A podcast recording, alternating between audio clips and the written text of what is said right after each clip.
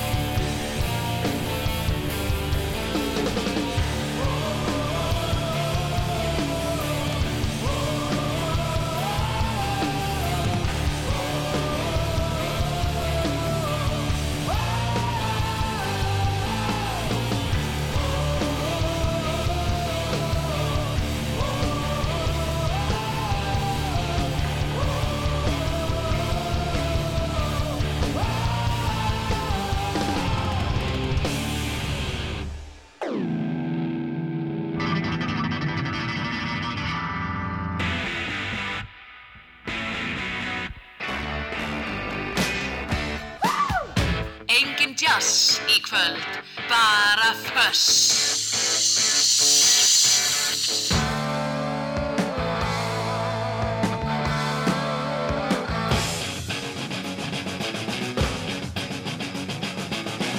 Þetta er Fuss. Það á að vera hátt.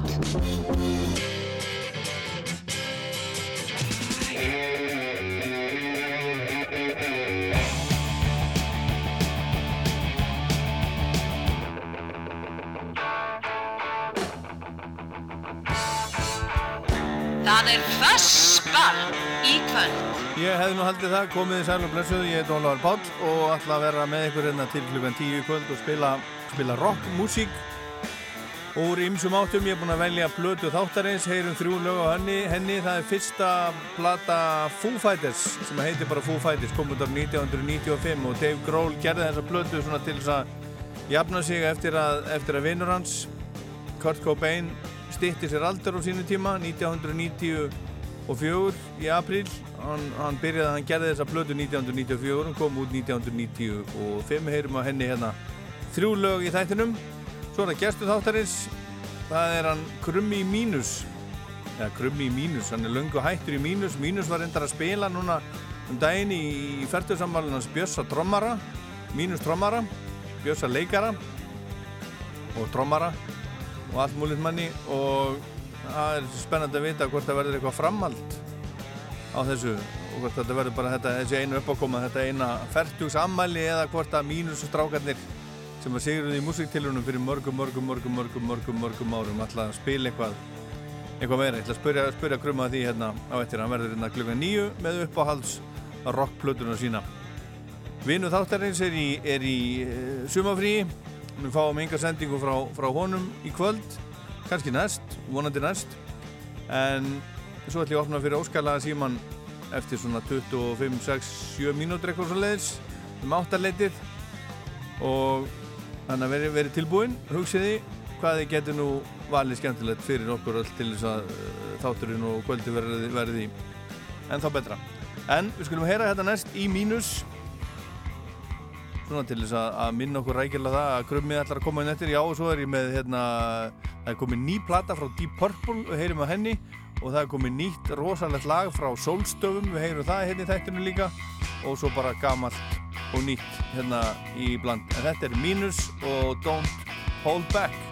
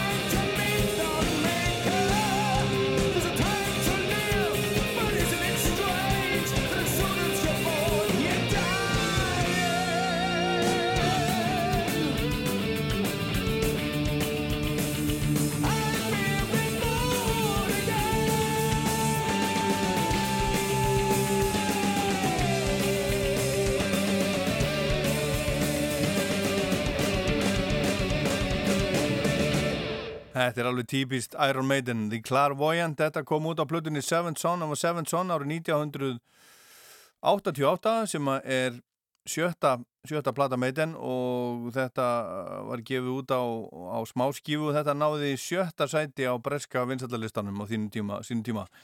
Típist Iron Maiden laga eftir bassarleikaran Steve Harris. En það var að koma út, út plata með, með Deep Purple enninn platan með, með, með Deep Purple menn ætla að halda bara á, áfram alveg bara enda löst þetta er þetta er 2001. fyrsta platar hún kom út í ágúst 7. ágúst og nátt að koma út í voren út af COVID var því slegið á, á frest og, og hún hefur verið að fá ágætti stóma þessi plata hún verður bara mjög vendalega plata þáttarins í næsta, næsta þætti og þarna eru þeir Ian Gillan, hann er að syngja Steve Morse, bandaríski gítarleikarin hann er að spila gítar sem að tók við á Ritchie Blackmore á sínu tíma. Roger Glover búin að vera með, er ekki hann sem búin að vera með nei, hann er ekki búin að vera með alveg frá upphafi. Það voru hann og Gillan komin saman. Ian Pace, trommar er búin að vera með alveg allan tíman frá upphafi. Og svo er það hljómbótsleikarin Don Eri sem að tók við af Jón Lord orgelleikara 2002 þegar hann settist í Helganstein og hann hefur spilað með alveg fullt af fólki. Ozzy Osbourne, Gary Moore Judas Priest, Black Sabbath, Jethro Tull Whitesnake, Saxon, Wishbone Ass og ég veit ekki hvað og hvað. En skulum heyra lag af þessari þessari plötu, þetta er 13. plata þar á meðal er eitt, eitt gamalt instrumentalag sem að koma út á fyrstu fyrstu plötunni þeirra, þeir taka það þarna, þarna aftur, þeir eru svona taka ofan fyrir, fyrir sjálfum sér fyrir, fyrir gömlu gömlu eldstu Purple en platan heitir Wuss og þetta lag hérna heitir We're all in the same We're all the same in the dark. Við erum allir eins í myrkrinu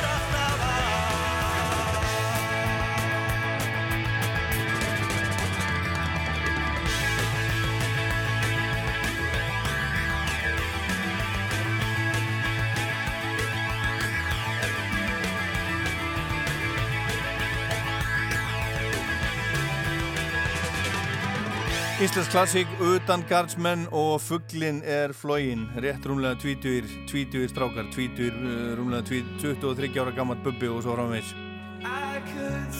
Hér er Band of Horses. Is there a ghost?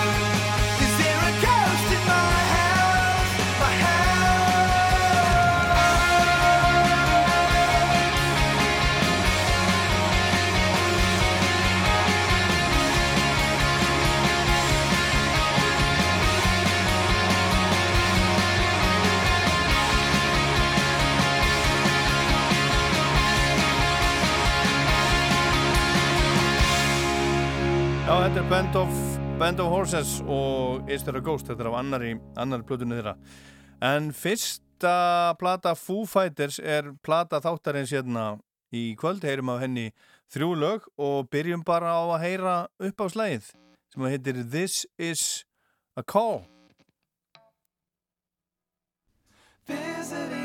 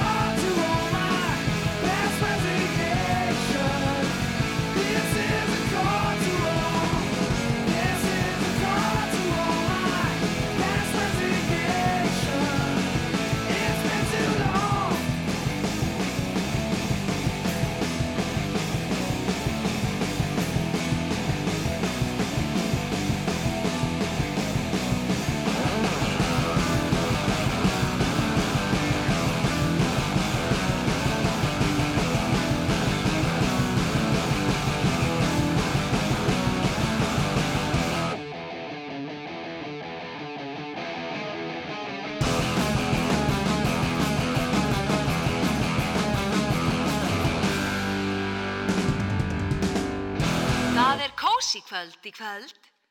Þess.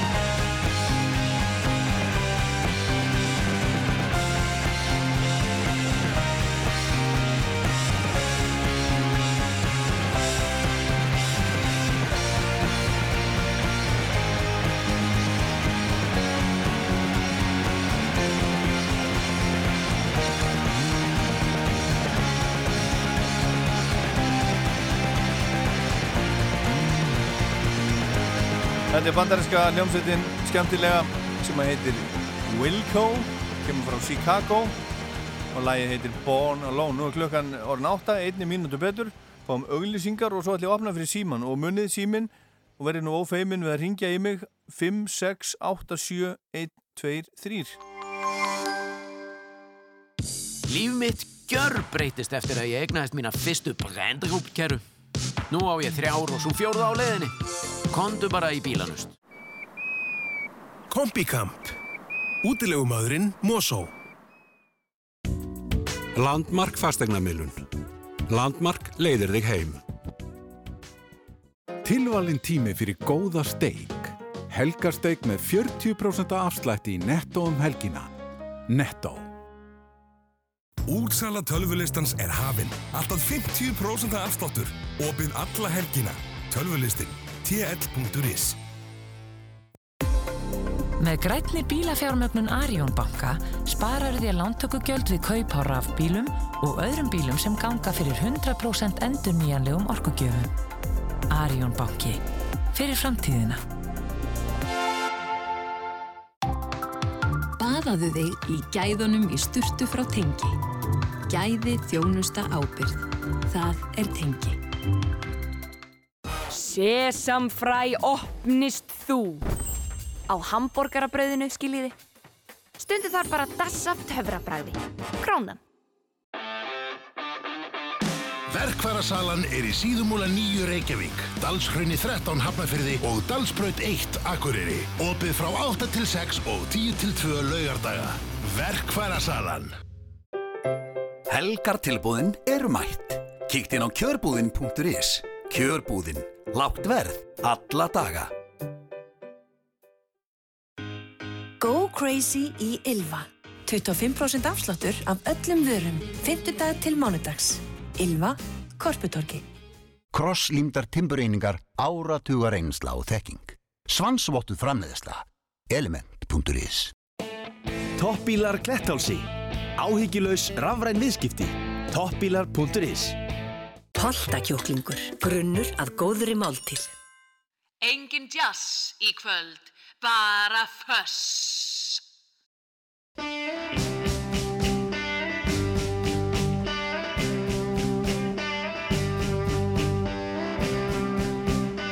Engin jazz í kvöld, bara föss og nú er komið að ykkur hlustandu góðir, eða ég hef ekki komið ykkur, ég hef bara óskettir aðstof frá ykkur til að gera þetta gera þetta eh, skemmtilegra, fjölbreyttara. Vegna að og ég hef svo oft sagt áður þá er ég bara með lítinn, tiltölulega lítinn heila sem hefur takmarkað hugmyndaflug og þess vegna er svo gott að leita til þeirra sem er að, að hlusta á og fá, fá innlegg frá þeim. Og númerið er 5, 6, 8, 7 1, 2 3 Halló Rástu Góðan daginn, um, ég ætla að tegja um óskalag Black Magic Woman með Santana fyrir hann aða minn. Já, fyrir afa gamla Já, Já, já, Black Er hann Santana maður?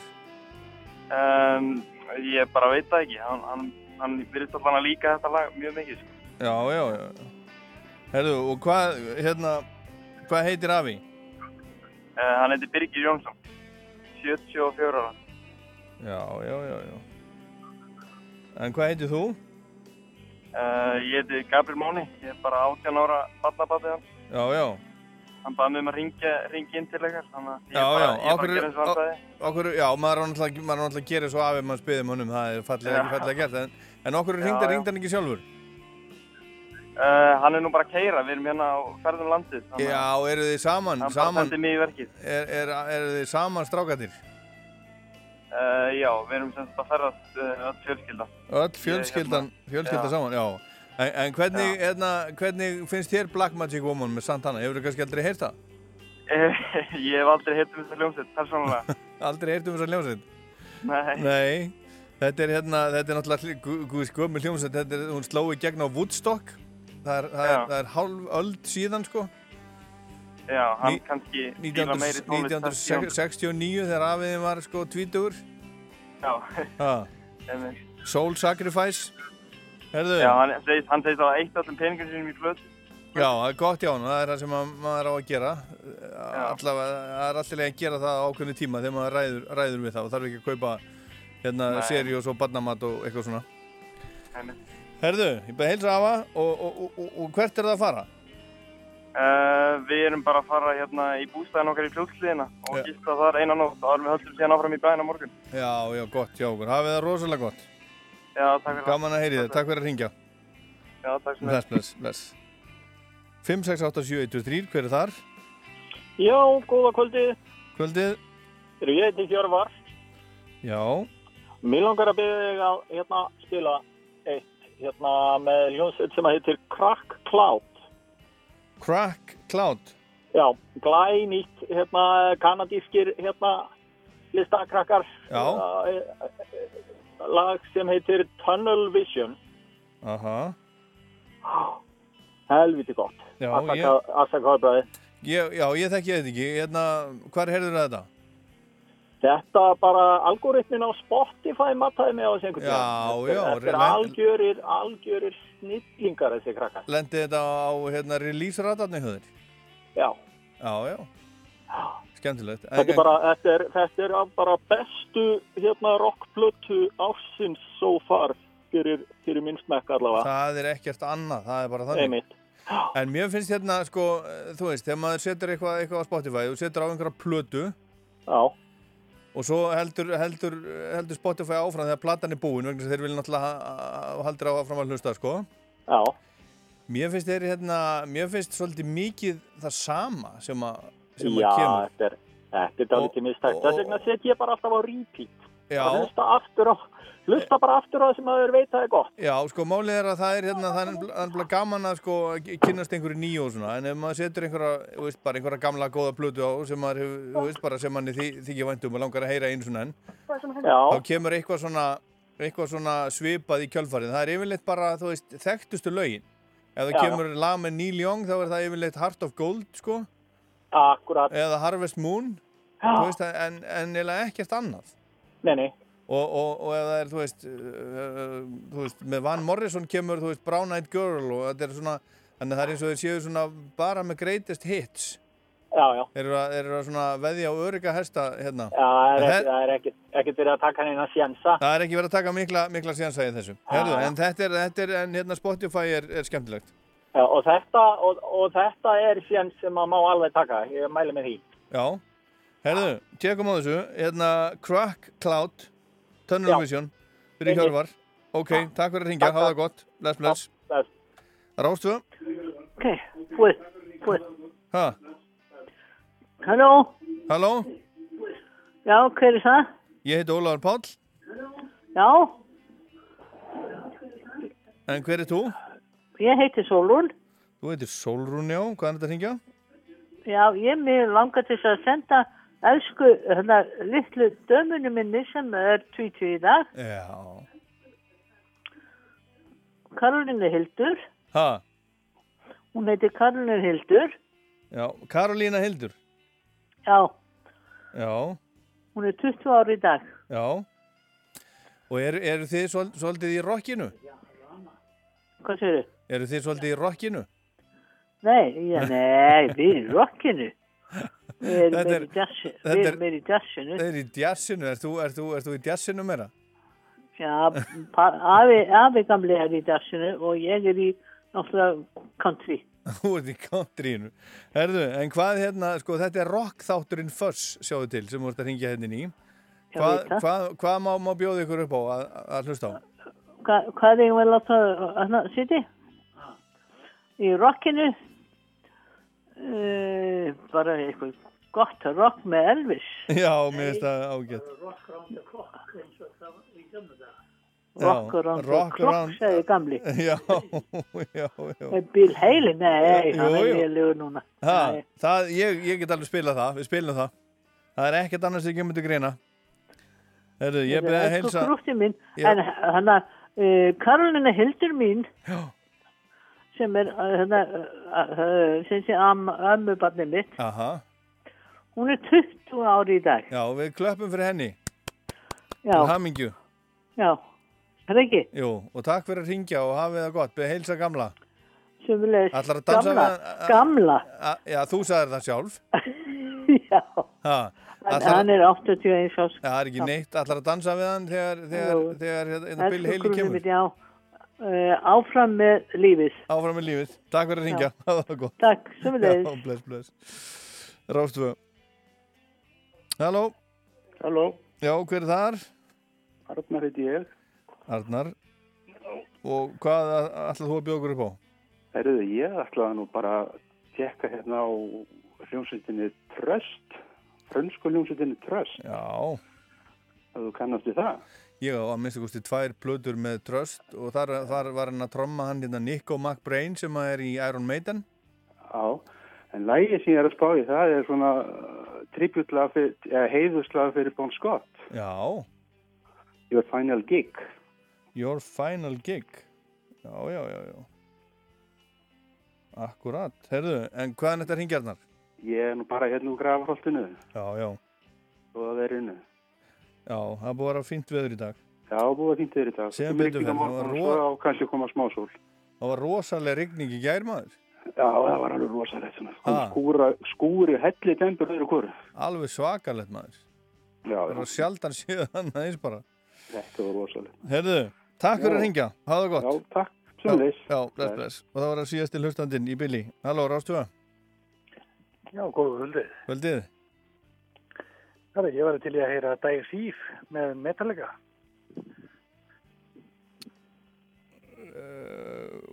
Býtu, hvað séru? Hvaða lag? Dire Thief Já, af Justice for All. já, já. Herðu, ekkert annað. Og þú heitir? Áskir. Áskir, herðu, þetta er, þetta er komið. Ertu búin að heyra nýja, nýja sólstafalægin? Já, ég er búin að heyra það. Og hvernig finnst þér? Alveg rosalega gott. Rosalega gott, já, já. Já. Ég ætla að spila næst. Það er sko platan þeirra sem á að heita, býtum við... Uh, Akkeri. Nei, lagið heitir Akkeri. Hún, uh, Akkeri, já. Platan heitir Endless Twilight of Codependent Love. Já. Og þetta er sko, þú veist, þegar menn gefa út smá skífur þá er það svona, verður menn að vonast til þess að það komist kannski inn í, inn á útastöður í spilinu og svona. En bara það, þú veist, að lægið er tíu mínútur sko. Ég hugsa að... Þetta er stór skífa. Ég hugsa að verði ekki, ekki að fari, fari, fari ekki mikla út var spilin en þeir eru ekki þannig hljómsveit þannig þú veist, þeir eru ekkert að, pæli ekkert að pæli því. Við skulum heyra hérna Akkeri og svo dembu okkur í óskalögin hérna á ettir Takk að kjalla fyrir að ringja, það gott. Svona hljómar þetta. Akkeri, tíu mínútur. Og svo krummi í mínus. Eða krummi úr mínus. Mínus hefur ekki verið starfandi mjög lengi en alltaf verið einhvern veginn tengdur við mínus, kendur við mínus mínus var að spila um daginn í, í færtu samvalina spjösa trommara. Og kannski verður eitthvað meira, ég veit ekki. Við, spurjum hann að því hérna og eftir. Hann kemur hérna klukkan, klukkan nýju en akkeri og svo er það áskalögin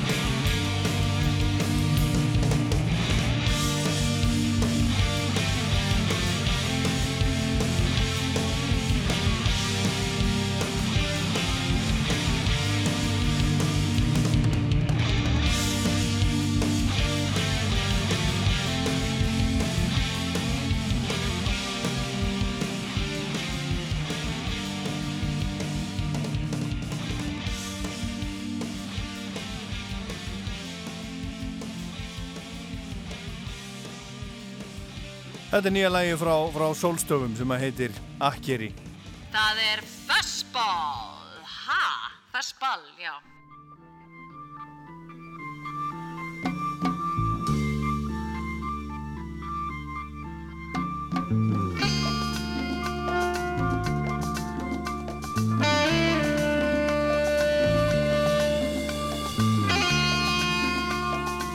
Hér er óskalagið, fyrsta óskalagið sem að barst hérna í gegnum síman áðan.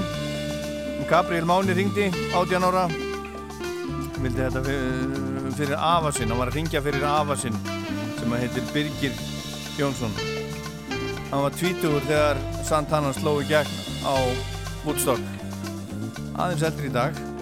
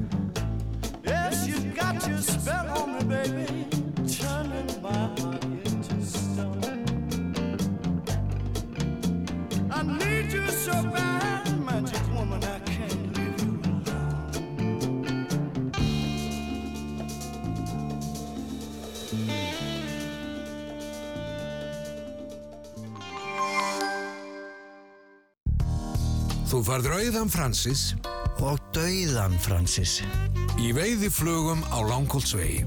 Góða skemmtun. Sérsmíðu marmara, granít og kvart sportplötur að þínum þörfum. granítsteinar.is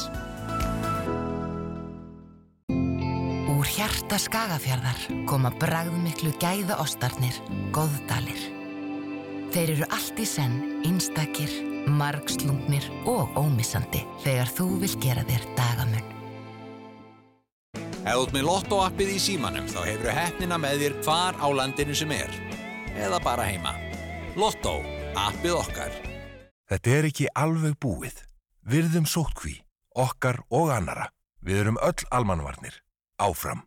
Nánari upplýsingar á covid.is Það hefur aldrei verið auðveldara að undirbúa veistuna.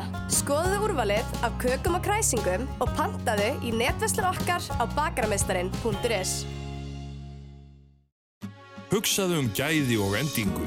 Hildarlausnir í utanúsklæðningum. Áltak.is. Ál er okkar mál.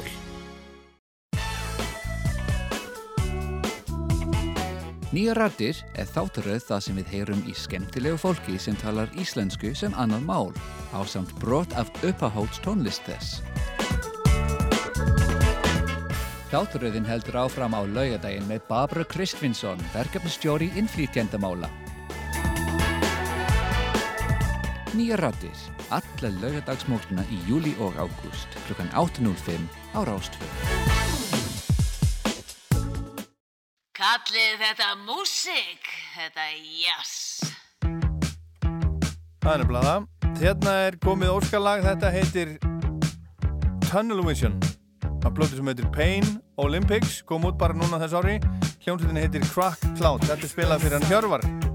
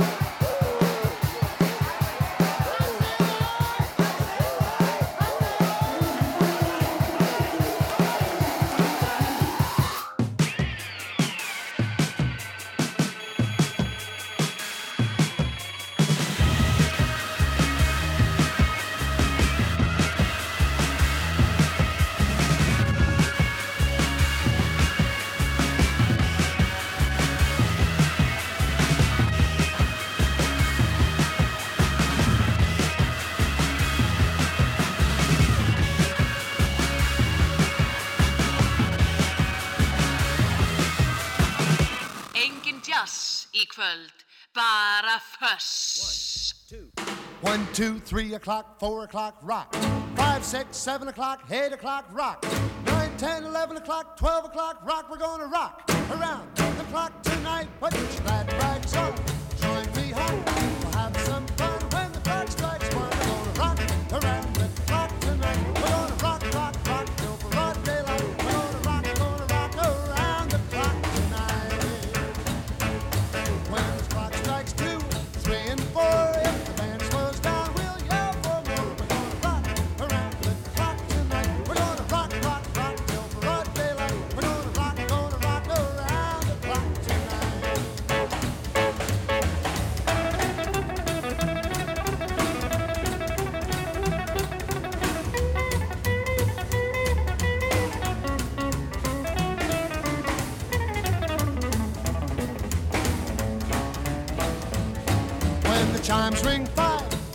seven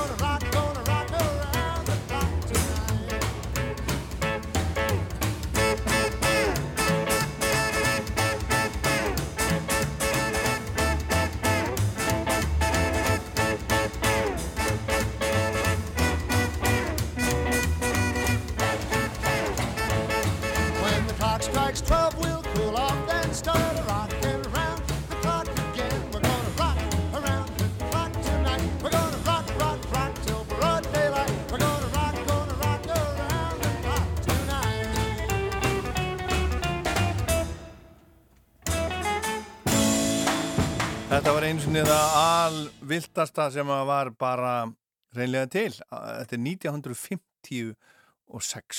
1956, þetta eru kvikmynd, Rock Around the Clock.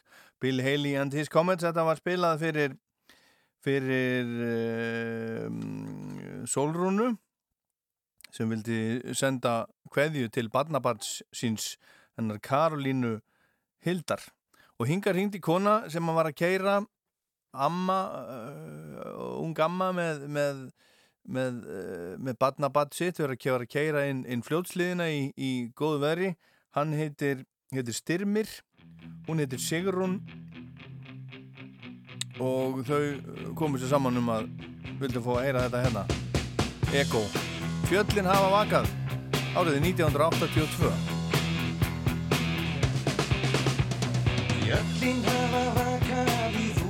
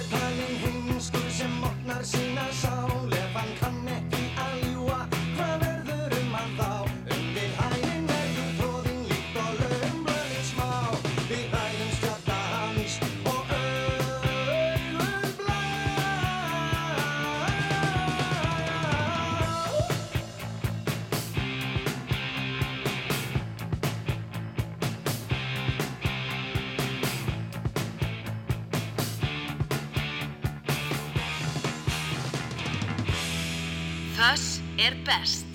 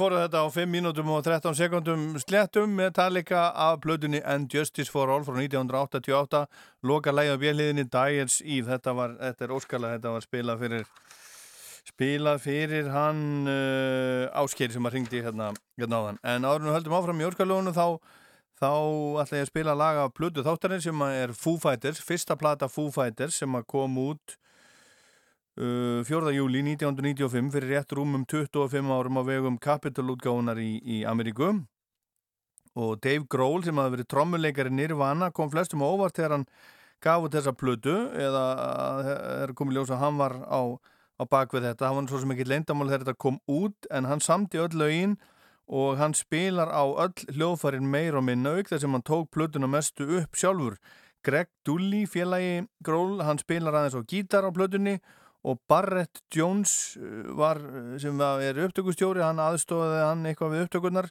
og platan er tekinu upp í Robert Lang hljóðverinu í Seattle. Og hann sagðist að hafa gert þessa plötu meira og minna sér til skemmtunar og svona til þess að leta sér lífið vegna og, og, og takast á við, við dauðavina síns Kurt Cobain sem að stýtti sér aldur hérna í apríl 1994 hann er hérna trommuleikari í bara heitustu rockljómsett heims það var allstaðar allstaðar eftirspurn eftir Nirvana svo er það bara allt í einu, allt í einu búið söngvarinn bara dáinn 27 ára gammal stýtti sér aldur og hvað gerir maður þá? Já, Dave Grohl hann bara fór heim til sín og fór að búa til til hérna músík og, og, og það, sem hann, það sem hann gerir allt sjálfur og það er það sem að er það er þessi, þessi plata sem að heitir Foo Fighters og ég ætla að spila lag nr. 2 það heitir I'll Stick Around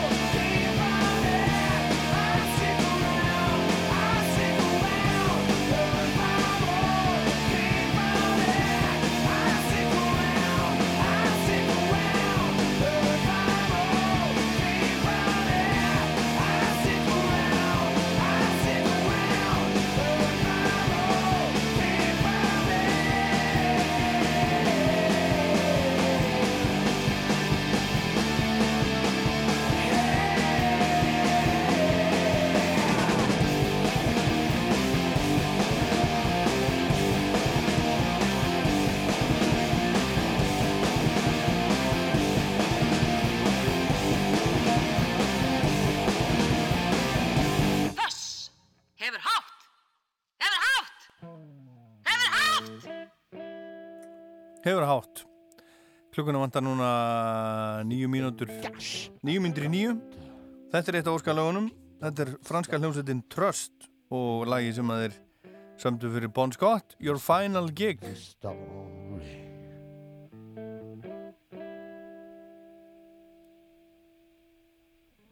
Started out from nothing, you were almost at the top.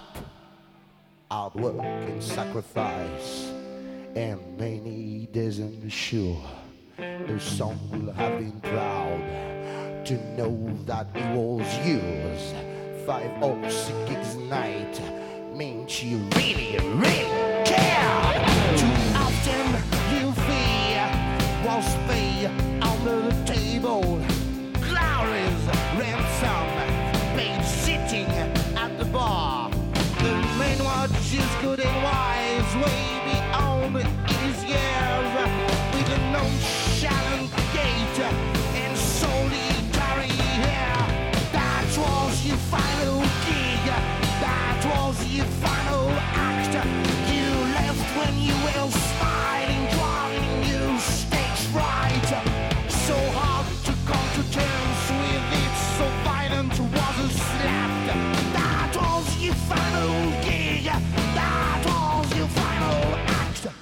In his voice, some sadness, veil that slurred his words.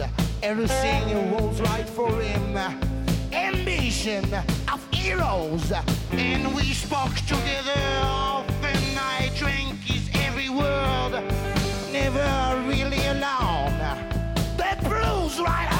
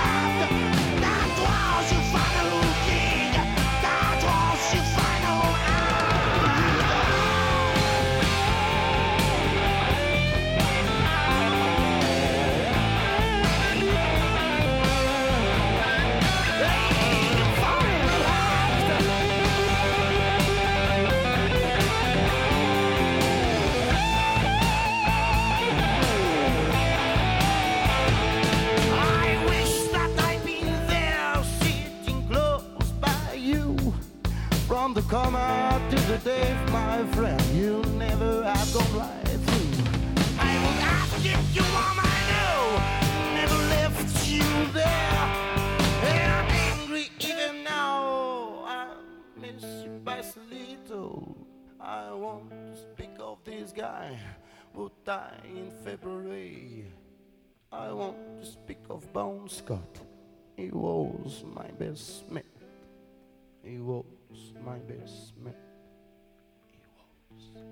He was my best mate, hljómsveitin Trust, þetta er árið 1981, bara rétt eftir að, eftir að Bon Scott blessaður snillingur sá, dó, heyrum uh, vonandi í honum hérna áður en að klukkan verður verður tíu, en ég minni á að, á að gestu þáttarins, hann er að hann er á leiðinni, krummi tónlistamannu Krummi Björgvins. Krummi eh, kendur við hljómsveitina mínu sem hættir mig upp á hals og rockblötunum sína hérna eftir, eftir smástund. En hérna spila fyrir Jónsa og Sollu. Lady Jane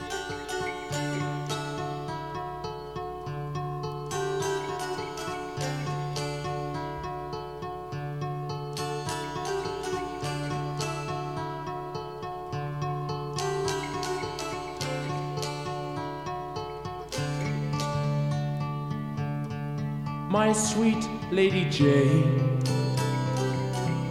When I see you again, your servant am I, and will humbly remain. Just heed this plea, my love, on bended knees, my love. I pledge myself to Lady Jane.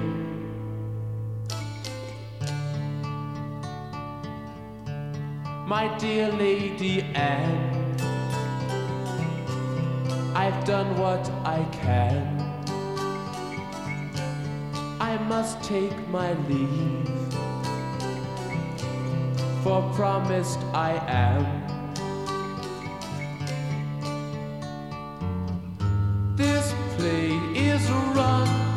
Love.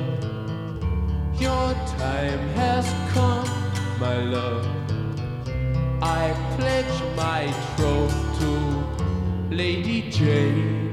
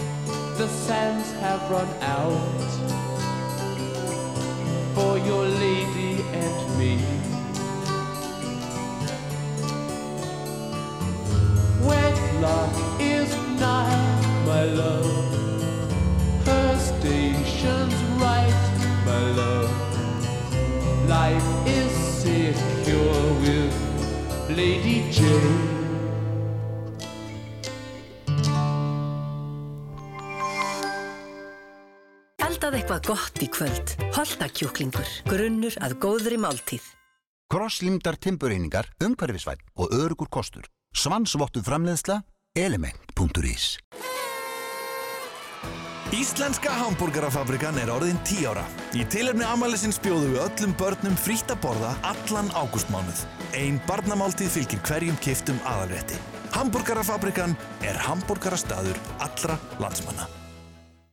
Við þekkjum vissulega marga, en erum engum háð. Hjá þekkingu færðu óháðar áðgjöf á sviði upplýsingatækni á samt öflugri notendaþjónustu. Þekking. Óháður áðgjöf og rekstur tölvukerfa í 20 ár. Klettasalat er kryddað og kraftmikið. Allt um klettasalat á holdogott.is Kajakhjólandi ketilbjöllulauparar sem rækti ykkar eigin súr atvið.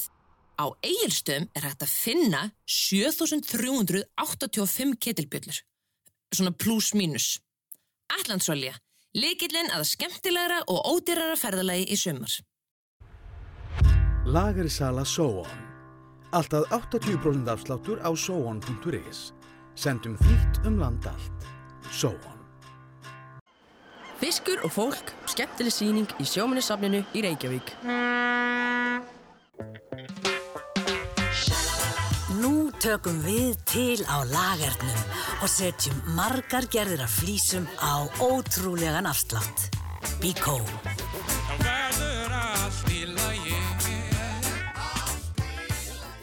Á rock'n'roll ég gefi hef þér öll mín bestu ár. Föss og svei. Þetta er Rock þátturinn Föss og gestur þáttarins er kominn Krummi Björgvinsson, Krummi mínus, Krummi bara krumma. Já, krummi í Ertu krumma. stundum, stundum í krumma? Ég er alltaf, ég er alltaf í krumma fót. Er það? en finnst þér, já, talandu það, það, það er hérna skrítið, finnst mér, þegar, þegar krakkar klæða sér í skó og hérna, og, er alveg sama þó þeir séu í krum, Já, krumma. eh, já, einmitt. Krummafót. Já. Krummi krummafót. Erðu, velkomin. Takk Og fyrir að hafa hérna- Og hérna, uh, hvað er að frétta? Það er bara allt heldur gott að frétta, sko. Já. Með að við kringum staður auðvitað. Já, þú, þú þurftir að loka, loka veitingastannum. Já, ég þurfti að loka hérna Veganæs. Já. Og við, ég og hérna Linja konan mín, við ákveðum bara að, að loka í mars og hérna settum fyrirtæki í hýði bara, eins og það kallast. Já, er það bara, það, það bara hægt? Uh, það er ekki hægt, nei. Uh, við eh, ákveðum að hérna að taka okkur smá bara hlefist að við þurftum að loka. Við höfum búin að vinna svolítið mikið að hana, 13 tíma vaktir, úst, sek, uh, 6 dagar vikunar. Ná var hann svolítið búin á því. Já. Þannig að við bara ákveð tökum okkur smá summafrí og setjum fyrirtæki í hýði og, og sinni ennum við kannski bara að finna nýtt. Já. Þessum, það eh, var alltaf á döfinni, þannig að Já. við ákveðum bara einhvern veginn að að skelli lás og, og sen einbytt okkur að nýju húsnæði hugsanlega bara á næsta ári sko. Já, þið voruð þarna á, á efri hæðin á gögnum. Já, sem var alveg frábært sko. Mjög fínt og, og, og það samstarf gekk mjög vel en það var svolítið erfitt að ráða við um, sem sagt uh, bara atmosfér auðvitað, þetta er náttúrulega uh, fyrst og fremst bar og Mhm. tónleikastæður við vorum með lítið hot þarna og seldum mat og það var bara mjög fínt Já. en þetta átti bara að vera bráða byrða og, og, og við komum sem sagt matnum út og fólk svona þekkir nafnið og, já. og hérna þannig að já, við bara einhvern veginn viljum, þurfum stærra eldús uh, við viljum hafa okkur eigið svona lítið kaffei Já, hvar lang, langar ykkur að vera? Það verður náttúrulega best að vera einhver staðar á uh, einhver staðar á mið Reykjavíkur svæðinu einhver staðar ekkert á laugaveginum endilega Nei, nei. Nei, já, ekki þar. Nei, bara, þú veist, einhver staðar hann í Reykjavík Já. það væri þetta gott að vera einhverjum hlýðagutum hann við laugaveg eða einhver Mhm. staðar hann í Holdónum eða eitthvað Mhm. en uh, við erum ekkert eitthvað óæst endilega að vera á laugun þóttu það myndi vera frábært það er náttúrulega leigan þar var mjög mikil og er kannski aðeins búið að minka núna út af ástandinu en það er bara rosa dýrt að leiga á laugin það er há Já. heldur hart sko Já. En veitingahús hús eru opinn núna, menna... Þau eru opin, já. Það eru, er hérna, þurfa bara svona fylgja ákveðin reglum. Flestir opnir já, en meina þeir kannski taka fleiri frídaga, hafa kannski, sumir hafa, flestir restaurantar ha- hafa, ekki flestir, sumir, uh, hafa loka á einum degi í viku. Við höfum alltaf mánudag, sumir á sunnudag, Já. og kannski eru sumir restaurantar að hafa loka kannski daga eða þrjá daga. Já, já, já. Akkurat. Herðu, en svo, svo hérna, uh, já, ástandi hefur náttúrulega áhrif á, á, á fleira heldur en veitingahúsi á því, menna, nú er náttúrulega, uh, náttúrulega ekkit, engin, engin spilamesska, engin, Nei, það er- engin tónleikar. Engin tónleikar, eh, ekki, ekkert leikús, eh, engin solis pródusjón í gangi, nema bara eitthvað voða, voða lítið. Já. Þannig að það, það er kreppa. Já, á hverju lifur þú? Ég lifi núna, sko, ég sapna mér svona smá sjóð við, svona bara uh, í bankabók, sko, laði alltaf inn þar, þannig að það hjálpaði mikið. Já. En sér fór ég bara á þessar bætur, Já. sem var ég þrjá mánu, þetta var sagt, þessar, uh, hérna, uh, vegna skort á, að geta ekki unni þetta mikið yfir COVID. Já, já, akkurat. Uh, mingar starfslutfallsbætur. Já. En núna er ég hættur á þeim og núna er ég komin á atvinnulegsbætur. Já, já. Þannig að ég er bara á atvinnulegsbótum og, og verður þugsanlega eitthvað á því, eitthvað þannig til, eitthvað skemmtilegt kemur upp, en þetta er, þetta er hitti vel á hjá mér, það sem ég er að vinna núna á fullu að fyrstu sólaplötunum minni, komið langa leið með hana og ég vakna bara mótnana og, og, og sem tónlist og seti með gítarinn bara 9 to Já, já. 5 sko. Þannig að þetta er, þetta er svona láni og láni. Já, þetta er bara frábært. Uh, upp, á, upp á að skapa. Já. og bara sinna heimilinu og, og dýrónum og, og sjálfum, bara sjálfum mér.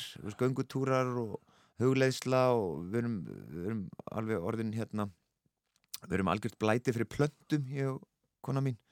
Þannig að við erum alltaf bara íbúðun okkar er bara eins og einhver lítill frumskóur og hérna og bara kvíla sig og vera í smá fríi og vinna í músíkinni og bara njó, reyna að njóta þess njóta lífsins Já, herðu, en svo, svo var nú heldur betur hérna, fréttir af, af, af þér um daginn vegna þess að, gamla uh, músiktilrunar segubandið þitt, Mínus, Já. kom saman Já, við komum saman eftir þetta er 14 ár 14 ár? 14-13 ár sem við spilum við þessi hópur saman, já, þetta Já. eru 13-14 ár síðan Já.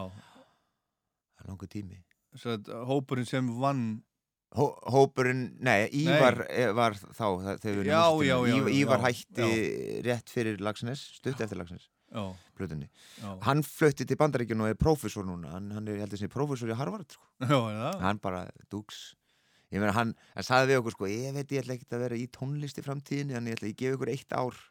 Ég, ætla, ég skal vera að spila með ykkur eitt ár og sinni hættur. Þannig að hann Já, Guð blessunlega hérna, laði hann heilt ár í, í bandi eftir hann þegar hann vildi hætta sko, og fara í nám og, og, Já, og sinna já. því og, hérna, og það var frábært ár og, hérna, sem kom fyrir östur og þá náttúrulega fullkomnaðist þessi, þessi klíka sko, með þresti og þá fór allt á fullt bara Þröstur Johnny. gír Þr- Johnny, þröstur, þröstur Johnny Já.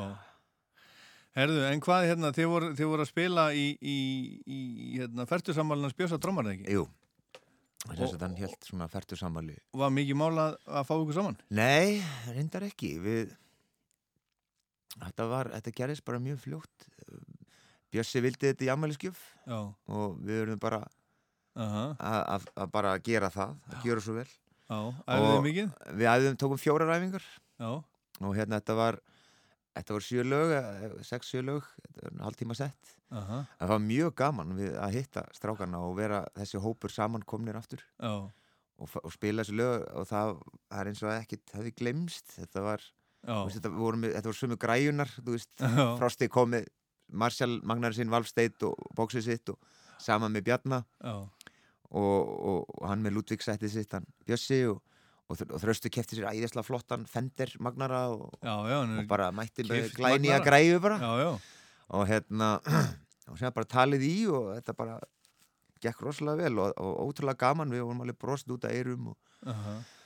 og hérna skemmtum okkur konunglega, þetta var mjög skemmtilegur endurfundir verð ég að segja En, en hérna, þá spyr ég sko, uh, þetta verður ekkert kveikt nýsta að gera eitthvað meira? Í reyndar, eh, gerði það það Já. að þá bara spila sagt, tónleika uh, ekki, ekki að taka plötu eða seminitt eða neitt svoleiðis heldur að kannski á næsta ári að reyna kannski taka 2-3 gig Já. og, og, og segja það gott sko eftir það Já. svona allavega þetta allavega svona eins og er myndi ég Já. segja Sen ætluðu er, það eru sko pælingar í gangi við, það er stefnan hjá okkur er að gef, endurútgefa alla plötunar í boxsetti á vínil þess að demóið eða fyrstu EP-plötun okkar sem við köllum demóið myndi líka vera á vínil. Hey Johnny Discos Bobby, Hallalagsnes og Veilkill Aha. og við, ég á allar úrklippunar frá í gamla dag og saman með Frosta og, og Bjarna og við getum sett saman aðeinslega flotta bók með alls konar úrklippum og einhverju svona liner notes og eitthvað Mhm. Og það getur fólki það getur fólk langt sem fengið þetta á vínil. Já, en hvað með plötuna sem að þið tóku upp og kom aldrei út? það er góð spurning. Það, það Er hún tilbúin? hún er, hún er ekki alveg tilbúin.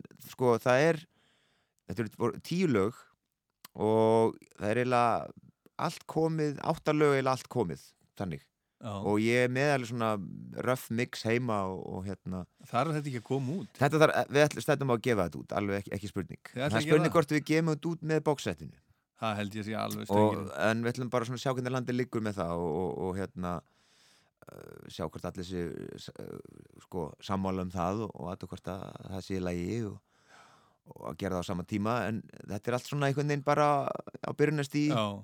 en þetta mun gerast alveg 100% Er þetta gott stof? En eh, þessi platta sem kom aldrei út? Mér, mér veist það. Já. hún, hún er eldist mjög vel að þetta er þetta er framsækið eh, svona framsækið psychedelic rock en svona uh, eins og frá strákum sem spila hardcore og punkmúsík þetta er svona einhvern veginn Já. bland af svona post uh, hardcore yfir í svona framsækið skrítið eitthvað konar post-rock uh, psychedelia Já, já. en þú veist alveg feiti Zeppelin riffar og, Já, já. og mi mikið, mikið, mikið að riffum og Já, en öðruvísi en allt en öðruvísi, já, ég myndi segja allt öðruvísi. Já. hún er mjög, trippuð sko. hlakka til að heyra þetta. Ég, hérna, ef, ef, ef ég get stundum spila þetta fyrir fólk í heimsókn sko, það er alveg gráð byggðum mig þá læti ég stundum einhver lög og þau bara, fuck, ég er að hlusta á mínustöð sem ég aldrei er staður hljómar flott í hátrólunum og maður er svona, þetta er þetta eldist vel. Já, já, ég bara hveti, ykkur tíu ár síðan sko. þetta tókum þetta. Já, að koma þessu, koma þessu út Herðu, áður en við förum lengra, haldum lengra áður en við förum í upp á alls og rockplötunum sem við góðst með Já.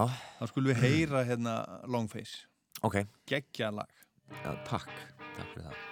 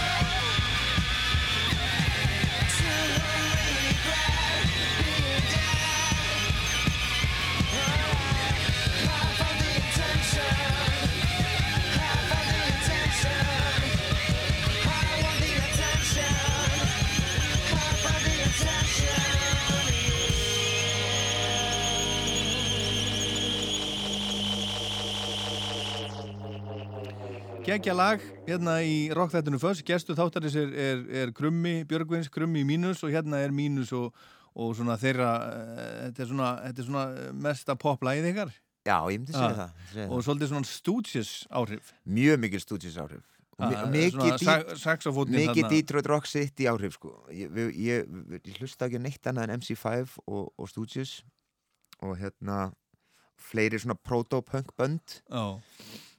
Og við allir strákunni líka Aha. og vorum rosalega mikið að að hlusta svolítið á svona skítu dirty rock'n'roll frá New York 70s stuff eins og Dead Boys og svo leiðis Mhm. og hérna já, það, það er einhvern veginn uh, já svona síast einhvern veginn inn í undir meðuna hjá okkur þegar vorum að þegar vorum svona að þróast yfir í meira svona rock Mhm. rock og roll Já. þegar þessi, þessi skipting svona gerðist hjá okkur aðeins En það er svolítið, hérna, það er svolítið, svolítið skrítið að hugsa til þess að það sé sami maðurinn og, og var, var, var öskrandi eh, snóðkliftur, sköllóttur halbartinn í músiktilunum fyrir hvað mörgum árum? Það var ekki 99? 99, sé komin hérna með uppáhalds 21 ár. rockplötunum sína sem er bara, bara country rock. Já, já, country Ja, rock maður. The Band. The Band. Önnur plata hljómsveiturinnar, The Band. Já, sagt, uh, já, þessi brúna platan Brúna platan, Up on Cripple Creek og, Já, já, og, og the Night Whispering Drove Dixie Down. Já, Night They Drove Dixie Down, Rag Mama Rag, veist, Unfaithful Servant, King Harvest. Já. En af hverju... No hverju- fillers. Af hverju þessi plata? Þetta ég held að bara því ég fór að hlusta neð, ég held að það sé bara búin að vera upp á sljómslu mín og, og, og plata bara í, í meirinn 20 ár sko Er það? Já, allavega sko þegar maður var títur á þetta var ég að hlusta á meira svona current músík að sjálfsögðu en ég bara, ég man því ég heyrði The Wait og, og, og, og ég sá The Last Waltz og allt þetta stöf uh, því ég var alltaf að hlusta á Elvis ég var alltaf að hlusta á ga ga gamla stöfi þótt að ég var að hlusta á hardcore punk líka Já, já. og þannig að þetta, þetta var einhvern veginn bara búin að fylgja mér svo lengi fór algjörlega undir meðundina hjá mér þessi músík sinn held ég mig mikla meiri í þetta því, því eldri sem ég var. Og þá komst ég að því að, að þetta var eitthvað svona hljómsveit sem eh, ég endaði alltaf að fara til svona um, bara óutskýrileg tilfinning því ég hlusta á tónana frá þessu hljómsveit og sérstaklega þessi plata. Uh, hlusta mikið mikið á þessu plötu það er svo mikið á góðum lögum á henni þátt að Music from Big Pink er náttúrulega algjörn mistraverk og, Já, já. og margar fleiri en þá er þetta er bara svo þetta er bara svona all killer no filler plata Mhm. og mín, uppbúðslegi mín er svo Whispering Pines eitthvað fallasta lag sem ég veit um, um Up on Crippled Creek ég meina og þetta er, þetta er bara úst, þetta er country rock, þetta er funky þetta er einhvern veginn þetta hefur allt sem þú vilt Sérstætt band, algjörlega frábær band. Já. Ertu búin að lesa æfisögu Lífon Helm? Ég hef bara lesið hana, ég hef ekki lesið Robbie Robertson. Já, ég hef lesið hana og líka lesið hérna Robbie Robertson bókina. Er, það er báðar alveg frábærar. Ég las bara nýla Robbie Robertson bókina Já. og hún er alveg geðveik og ég mæli með henni. Hvernig, sko, sko það kemur í, það kemur í, í ljós í bókinans Lífon Helm að hann ber mikla virðingu fyrir Robbie, hann alltaf ræður hann í, í The Hawks á sinni tíma. Hennan unga, unga Kanadamann og hérna og svo, svo sem verða and the Hawks Já, já, akkurat svo, svo eiginlega tekur Robbie bandið yfir Já, hann, hann náttúrulega var mest svona, hvað ég segja, uh, metnaðfylsti laga höfundurinn í hófnum. Hann, hann gerði ekkit annað en að semja tónlist og samdi flestu lögin uh, af því hann var bara alltaf að semja lög og, og hann var mjög oft að mana og einn svona encouragea strákana að semja meira með honum. En þeir gerðu það svolítið fyrst, Richard Manuel var svolítið mikið með honum fyrst og Levon og svona og, og, og Rick. En síðan fór þeir að drekka svolítið mikið og sem kom heroinið svolítið þetta. Þá bara hættu þeir gjörsanlega að semja tónlist. Já, ég held að heroin hafi kannski Já, svolítið og Levon var æðislega þungur og bitur og fannst þess að allir var að reyna að ná fjá honum, allir umbóðsmenn var að reyna að stikka þau upp og, og, og Robin alltaf var svolítið svona alltaf að nutta saman nefjum við svona arti fólkið og var svolítið mikið að snoppa fyrir því fór í tögun og Levon af því hann alltaf bara frá Arkansas hann er bara alvöru southern boy Mhm. og þoldi ekki New York og gæti ekki verið að það nefnir nokkra dagi senn það bara fannst það ekki nógu, hann fílaði ekki, hann var bara svona good old boy þannig að þá byrja að koma svona einhvers konar leiðinda milli þeirra sko. um, það eru tvær og hliðar á öllu, öllu, Já, öllu þessu og sko. svo náttúrulega, svo verður Robby náttúrulega, hann fer, hann fer að gera sína ein músík og, og, og, og hérna og gefa út sólarplötur, hættir í bandinu er svo ekki með Já, þegar sko, þeir koma saman aftur. hann setur upp Les Walls sem síðustu tónleika The Band á þess að tala við strákan í The Band. Já, einmitt. Þeir vildi ekki tætt í ljónsutinni Nei, nei. Hann vildi gera eitthvað svona Big Bang þú veist, búin að hanga með Martin Scorsese og þú veist, bara vildi gera þetta æðislega hugmynd og bara frábært en þeir voru alveg á þrótum hann bara spilunlega séð, Richard Malin rétt svo náði í gegnum settið hann á Les Walls. Levon náttúrulega, en þú finnur tilfinningun og á þessu tónleika hvað er alveg mikið mikið pain, mikið ást, mikið allt í gangi allir sveittir alveg ah, bara climax dót og hérna þannig að þeir eru alveg rosalega sko, samkvæmt þessum heimildum sem ég hef lesið voru það rosalega fúlir út í Robby út af þessu. Já, já. og sen vildi Robby hafa æfingu bara nokkur dögum eftir og hann fer Robby, þeir segja já já við sjáum staður eftir nokkur daga. Stutt eftir Les Walls. Ætla að fara að byrja á næstu plötu. Og þá mæta þær ekki. Og Robby situr bara einn og býður og segir þú veist þú veist eh, á þetta verða svona? Þeir eru búin að fá hundleið á Robby sko. Þannig að sen liður náttúrulega nokkur ári þeir komu saman aftur og gerðu, gerðu hérna Southern Cross og, Mhm. sem er frá að plata líka og, og, og fullt af fleiri góðum lögum sem komu eftir þess, þessi Já, já, en þeir náðu aldrei neinu, flugi Nei, ekki Þarna, eins mikið. Án, án, án hans, sko. Og svo, svo töluðu þeir ekki saman, þeir töluðu ekki saman alveg Já, já. En, en Robby, hann heimsótti, heimsótti lífón á, Á dánarbeðinu. Dánabeðinu Já. og, og, og þeir svona Já, hann- heldur hafi sæst Þetta er, Svo- þetta er, er mikil, mikil Robby segir í bókinu að hann var eiginlega ekki alveg með meðvindund þegar hann Já, kom það?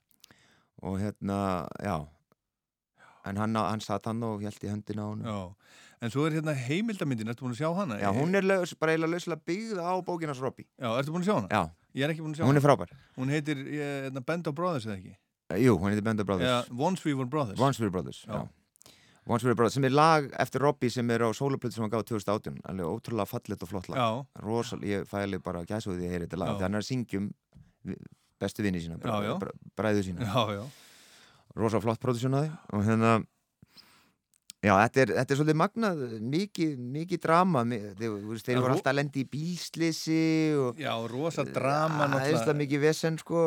Og svo líka, þú veist, hvernig þeir enda hérna, einn hengir sig hérna inn á já, hótelherbyggi já, og, og, veist, og það var, þeir voru allir svo miklu snillingar og þannig að þetta drikjan og þetta svona sjálfstortímingar lífstíl fór Já. í gang þá, þá einhvern veginn var þetta ekkert að ganga upp. Ég meina það var eins og til dæmis eh, bara þú veist, geðsjútumar þunglindi og alls konar sérstaklega með Richard Manuel greið sem er innvinu upp á söngurum bara hands down Já, og algjör talent en hann einhvern veginn svona bara fjaraði út uh, með, með, með áfengi. Já. og hérna sem er mjög sorglegt. Og hérna eh, eins og ég segi, þeir, þeir, þeir Robby fór og vildi spila með Dylan og þá Levon netti því ekki lengur og hann fór hann aftur og fór bara að vinna á svona oljupalli, oljubórpalli og beilaði sko Já, já. og þá heldur þeir áfram að spila hans með Dylan og, og að spila með Dylan er eðsla mikið svona það er, það er þú fær alveg gull stjörnu fyrir það að hafa spilað með Dylan en það er svolítið spes að spila með að þú kynast hann ekki það vel all, allt sem ég hef lesið sko hann er, hann er rosa lokaður og svona einhvern veginn getur bara breytt öllu settinu bara þú veist rétt fyrir hann stígur upp á svið og þá bara breytir hann öllu og, en Robby og þeir náða honum sko. Og hann fannst það svo gott þeir gæti alltaf þú veist Það verður búin að djamma og spila svo mikið með Hawks og spila út um allt og allir búin að pay the dues. Og síðan koma þær síðan saman og flyttin í húsið hann í Woodstock og, og þá alltaf eru bara búin að uh, þeir, þeir voru bara sagt eins, eins góður að mögulega getur verið á hljóðfæri og, og, og, og sem tónlistamenn með reynsluna baki og þú veist voru með þetta hérna svona þetta tape uh, svona að taka upp tónlistinu sína sjálfur í kjallarunum hann í, í, í bleika húsinu Mhm. og Dylan er svona kikki heimsókn og semja en I shall be released og eitthvað já. þannig að þetta er, þetta er Þetta magna er magna magna band. Herðu, við ætlum að heyra tvö lög af, af plötinu, við við ætlum ekki að hérna, röfla á mikið tala frá okkur allt við hérna hvað eh, er fyrir lagi sem við ætlum að hlusta á? Eh, það, ef ekki bara fara í hérna, bara upp on Cripple Creek svona til þess að bömpa þetta upp. Byrja á því.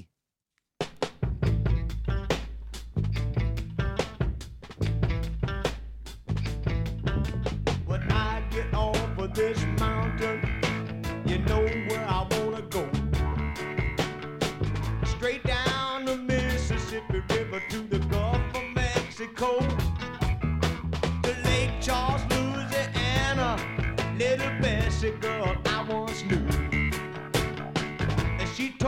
just to come on by.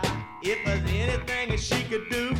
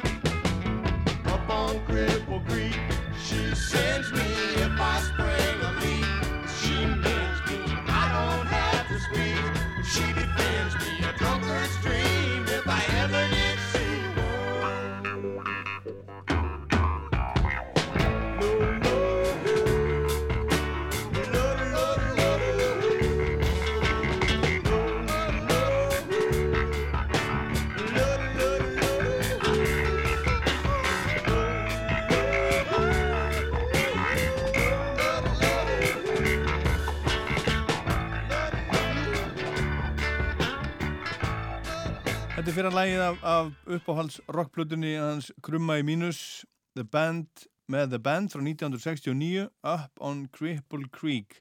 Þetta er svona svolítið í anda þess sem að þú ert að gera í, í dag þín, Jú, þín, er, þín músíku og, og svona eitt óvendasta útspil ásins var þegar, þegar þú, þú, þú gerir vetrasól að þínu. Já. Settir það í svona upbeat country Já, svona blúkras eitthvað Það er mjög skemmtilegt, mjög gaman. Þannig að þú ert bara þarna í þetta? Ég, ég, þetta er bara þarna bí, þetta er bara mín veröld, þetta er mitt sólkerfi, algjörst. The Old Dixie. Já, The Old Dixie. Þannig að finnstu við skulir nefna það, að lægið The Night They Drove Old Dixie Down. Það er núna eru svona uh, ungir uh, country tónlistamenn og konur uh, sem er breyta textánu núna. Það er hérna, uh, það voru Marcus King, þú veist hvað hann er?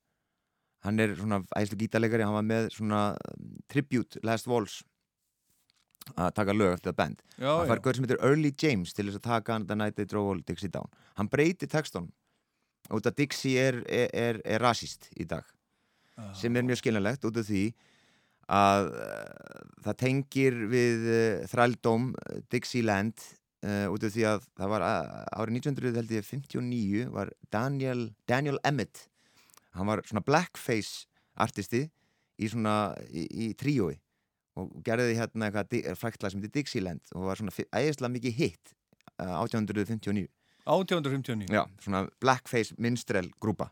Þú veist, Aha. þá er alveg, æ, þú veist, alveg aðeinslega rasíst dæma, í dag svona blackface Málaði svartur Málaða svartur Já. og, þú veist, með stóru varinnar og, og gera grín Já. af svartum Negra músík Það hlæja að hvað svartir eh, líta svona út og, þú veist, mjög, mjög rasíst og slæmt og, Mhm. og læja Dixieland eða My Old Dixieland, ég man ekki alveg hvað nafni var og þannig að það, það er alltaf verið svona derogatory, sko, törm, sérstaklega í dag þannig að hann prófaði að breyta textanum og að lági tjá honum var svolítið skrítið af því ég hef alltaf þetta er náttúrulega bara, hann er að tala um uh, Robby voru svo mikið undir áhrifum frá þessum uh, frá The South frá Suðuríkjunum og hann er að semja hann að texta út frá sjónamiði uh, mann, sem er þræll sem er svartur og það er lóksins búið að leggja niður þrældóm þá er hérna Drove Old Dixie Down Mhm.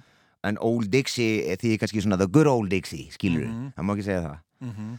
þannig að þá breytt hann textunum í í staðan fyrir The Night They Drove Old Dixie Down þá var bara Tonight We Drive Old Dixie Down Já, og sem breytt hann eitthvað versinu líka og svona, alveg, alveg interesting stuff. Ég er, svona, ég er ekki alveg sammálið í endilega að- vera að breyta lögum en hann gerði þetta bara svona one, þetta var bara svona þetta eina kvöld Já. sem hann gerði þetta interesting staðrind gerðist bara um daginn. En um, en þetta er eins og bara, þú segir Robby fyrir hann, hann náttúrulega var bara svona Kanadamaður, halv, halvur indjóni eða halvur sem sagt svona uh, hérna, um, native American. Já, já Indjáni. Ég má ekki segja indjóni Ég, það- ég veit, það má ekki segja það. En, en við byggjumst afsökunar. Já, já. en bara já, hann er svona mitt uh, ok, og þannig að hann náttúrulega var æðislega mikið bara í kringu þetta og fíla svo Levon Helm og allt þetta því að hann var allt, sem, all, allt rock'n'rollið sem Robby ólst uppið kemur frá Suðuríkjum Mhm. og þannig að hann náttúrulega var bara svo rosalega undir svo miklum áhrifum. Þannig að hann var að reyna að skrifa eitthvað um alls konar svona lí, lífsreynslur frá þessum tímapunkti og alls konar svona sögur og, og þessi plata er svolítið, er algjörlega til einhver uh, þessum tíma og, og, þess, og þessar slóðir. Þessi plata sérstaklega, þessi brúna plata. En svo veist, er, þetta er eiginlega bara svona mikið söðuríkjarokk og pælir í því. Þannig að já, þetta er uh, við sjáum hvað gerist í framtíðinu að kannski ykkur fleiri lög sem verða tekin í gegn og einhverju textar breyttir. Það er vera- gerða náttúrulega fyrir hérna, hérna jólalæð þannig að Thank God it's them instead of you eða eitthvað. Bono línan? Já, hann söng hana Thank God is Nei, hann söng hana alveg eins aftur var það ekki? Nei, hann breytti því. Er það? Já, því það er en það Þú veist, verður ánægður að sett þau en ekki þú Já, einmitt, svolítið, svolítið sérstætt En þetta er vel mengt á á, þegar það er er gert sko. Einmitt, einmitt. En svona er þetta, tímaðin breytast og Herði, en hvað er, hvað er framöndan hjá, hjá, hjá krumma á, á, á, á COVID-tímum? Það er, ég, hérna, það er uh, nýtt lag, singull að koma og myndband sem fylgir laginu. Kemur út uh, 10. september og það er uh, lag sem heitir Frozen Teardrops. Og hérna skaut myndband bara fyrir nú bara stuttu síðan yfir svona, svona COVID-tímanum og lókum okkur inni fjórir en fjórir strákar um, hérna Einar Snorri og Snorri Brós og, og, og Brynjar Snær uh, ljósmyndari. Og við hérna skutum myndbandi í stúdíónu hjá honum Jón Sæmyndi hjá Nonni, Nonni Dead Já, já. Og gerum myndband við lagið og það er bara að vera að klippa það. Þetta kemur úr 10. september. Ég er bara mjög spenntur fyrir að lega fólki að heyra. Ég er rosalega ánægð með útkomuna Mhm. afraksturinn er bara mjög flottur. Og þetta er, þetta er aðeins meira aðeins meira rock'n'roll heldur en síðasti singull myndi ég segja, en, en þá þetta er svona kannski svolítið aðeins meira ramaskítarar og svona eitthvað, eins og ég myndi kalla kannski Bake, meira Bakersfield country sound svona, sem var meira country rock. Það var svona eins og Buck Owens og Merle Haggard og Mhm. það væp og smá söðuríkja Þú ert bara í þessu? Já, ég er bara í þessu, já. Mestmegnis Country og western. Country western og, og, og rock and roll bara þú veist, gamla góða rockið og, og, og ég elska 70s rock, ég elska líka tíman uh, frá Kaliforníu sem sagt uh, svona Topanga Canyon, Laurel Canyon tímin hann er David Crosby og Jackson Brown James Taylor mm. uh, hipparocki, Love og allt það sko, alls sú sena, Joni Mitchell og hérna Little Feat Mhm. Noel George, allt það stöf, elska það líka þannig að ég, mér er svo gaman þegar þessi, þessi fullkomna eh, þessi gifting sko á milli country og, og, og það hippanir svona tók ástfóstri við countryinu og byrja allir að gera countryplötur eins og Grateful Dead, þú veist. Rocky Men's Dead og allt þetta. Og The Band náttúrulega inspæður marga að fara meira akustík og svona. Já, já, og svo er þetta náttúrulega bara svona grunnurinn að þú veist, hérna Vilko, Band of Horses Alveg, öllu- öllu þetta er bara á alg, grunnurinn fyrir alternative country. Ég meina minn allra uppáhalds sko, að því við tölum um hljómsveit innan the band, en minn svona allra uppáhalds líka, sem ég alveg alveg geta tekið með uh, Graham Parsons og Flying Burrito Brothers og til dæmis svona Early Birds og Late Birds þegar var með hérna, þegar fór í countryið með Graham Parsons the Rodeo. Þú veist, Gene Clark og allt það stöf ég er alveg bara svona, það er það er, það er svona allt það sem ég elska Já, alveg þú, með öllu þú hjarta. hlustar mikið á músík, heyri ég. Já, ég bara algjörst nörd. Já. ég, og búin að hlusta svo lengi og sapna plötur svo lengi. Já, hlustar á, á vínil eða Spotify? ég hlusta bæði. Ég heima inn í stofu bara vínill og á, á ferð og flugi er það með Spotify. Já. oft sem ég vil líka uh, finn ég plötur á Spotify og fer og kaupi þar vínill já. Hvað með, hvað með, hvað með geisladiska? Því ég er núna að flytja sko búin að vera að raða daga, sortera og Ég á, alla mína, mína geisladiskana þá en þeir eru allir í kössum í kjallara bara geimslu heima.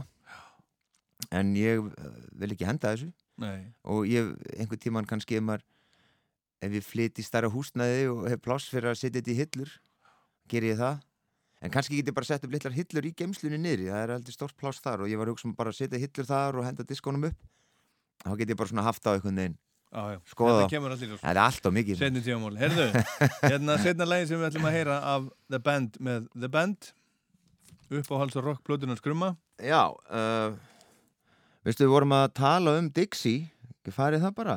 Reyndar herðu, það er albumtrakkjanda sem fæstir þekkja sem heitir Jawbone sem er geðveikt lag sem margir kannski um, sk bara skipa yfir eða eitthvað svoleið sko, að ég var er svo gaman að en- endur eitthvað að löga plötum og bara svona Aha. þetta lag okkur, herðu, núna skil ég þetta lag miklu betur, núna elska ég þetta lag miklu meira en ég gerði áður fyrr. Og þetta lag Jawbone Já, heyra það? Heyrum það Ok. Herðu Grumi, takk kærlega fyrir komuna í þennan, þennan fyrsta först þátt eftir sumafrí. Já. Gaman að fá því heimsókn. Takk kærlega. Og gangi þér vel í öllu sem þú, þú, þú kannt að taka þér fyrir hendur. Og Takk líka að raða fyrir boðið. geisladiskunni. Já. Takk kærlega fyrir bóðið, gaman að spjalla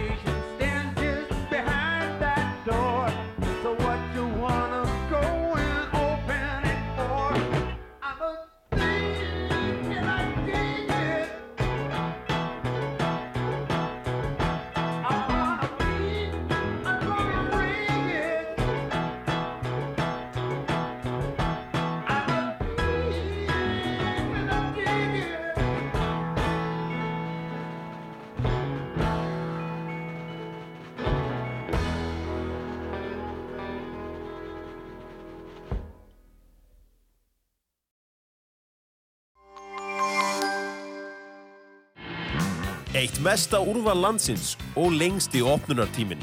Báhás, mikið úrval, gæði og lágt verð alltaf. Tríó, tríó, tríó. Basar, Americano og prinsessan er á fun heitu tilbóðsverði í ágúst. Stór pizza á aðeins 1790 krónur stykkið. Þú pantar bara á netinu eða með appinu, greiðir fyrirfram og sækir. Já, þetta er í alvöru svona einfalt. Dominos. Innréttingar, innréttingar. Skúfurskapar hillur, innréttingar. Parki, dalvegi. Langar þig út fyrir landsteinana? Siglum daglega. Viðei.com Meiri músik, meira þöss.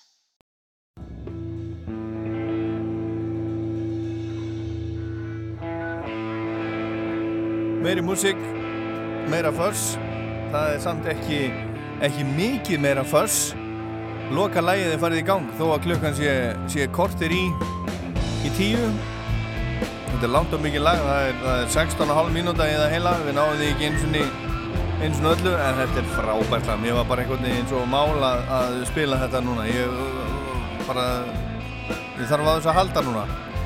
Hreinlega. En þetta var Föss, ég vil þakka gesti þáttarins Krumma Björgvins fyrir komuna.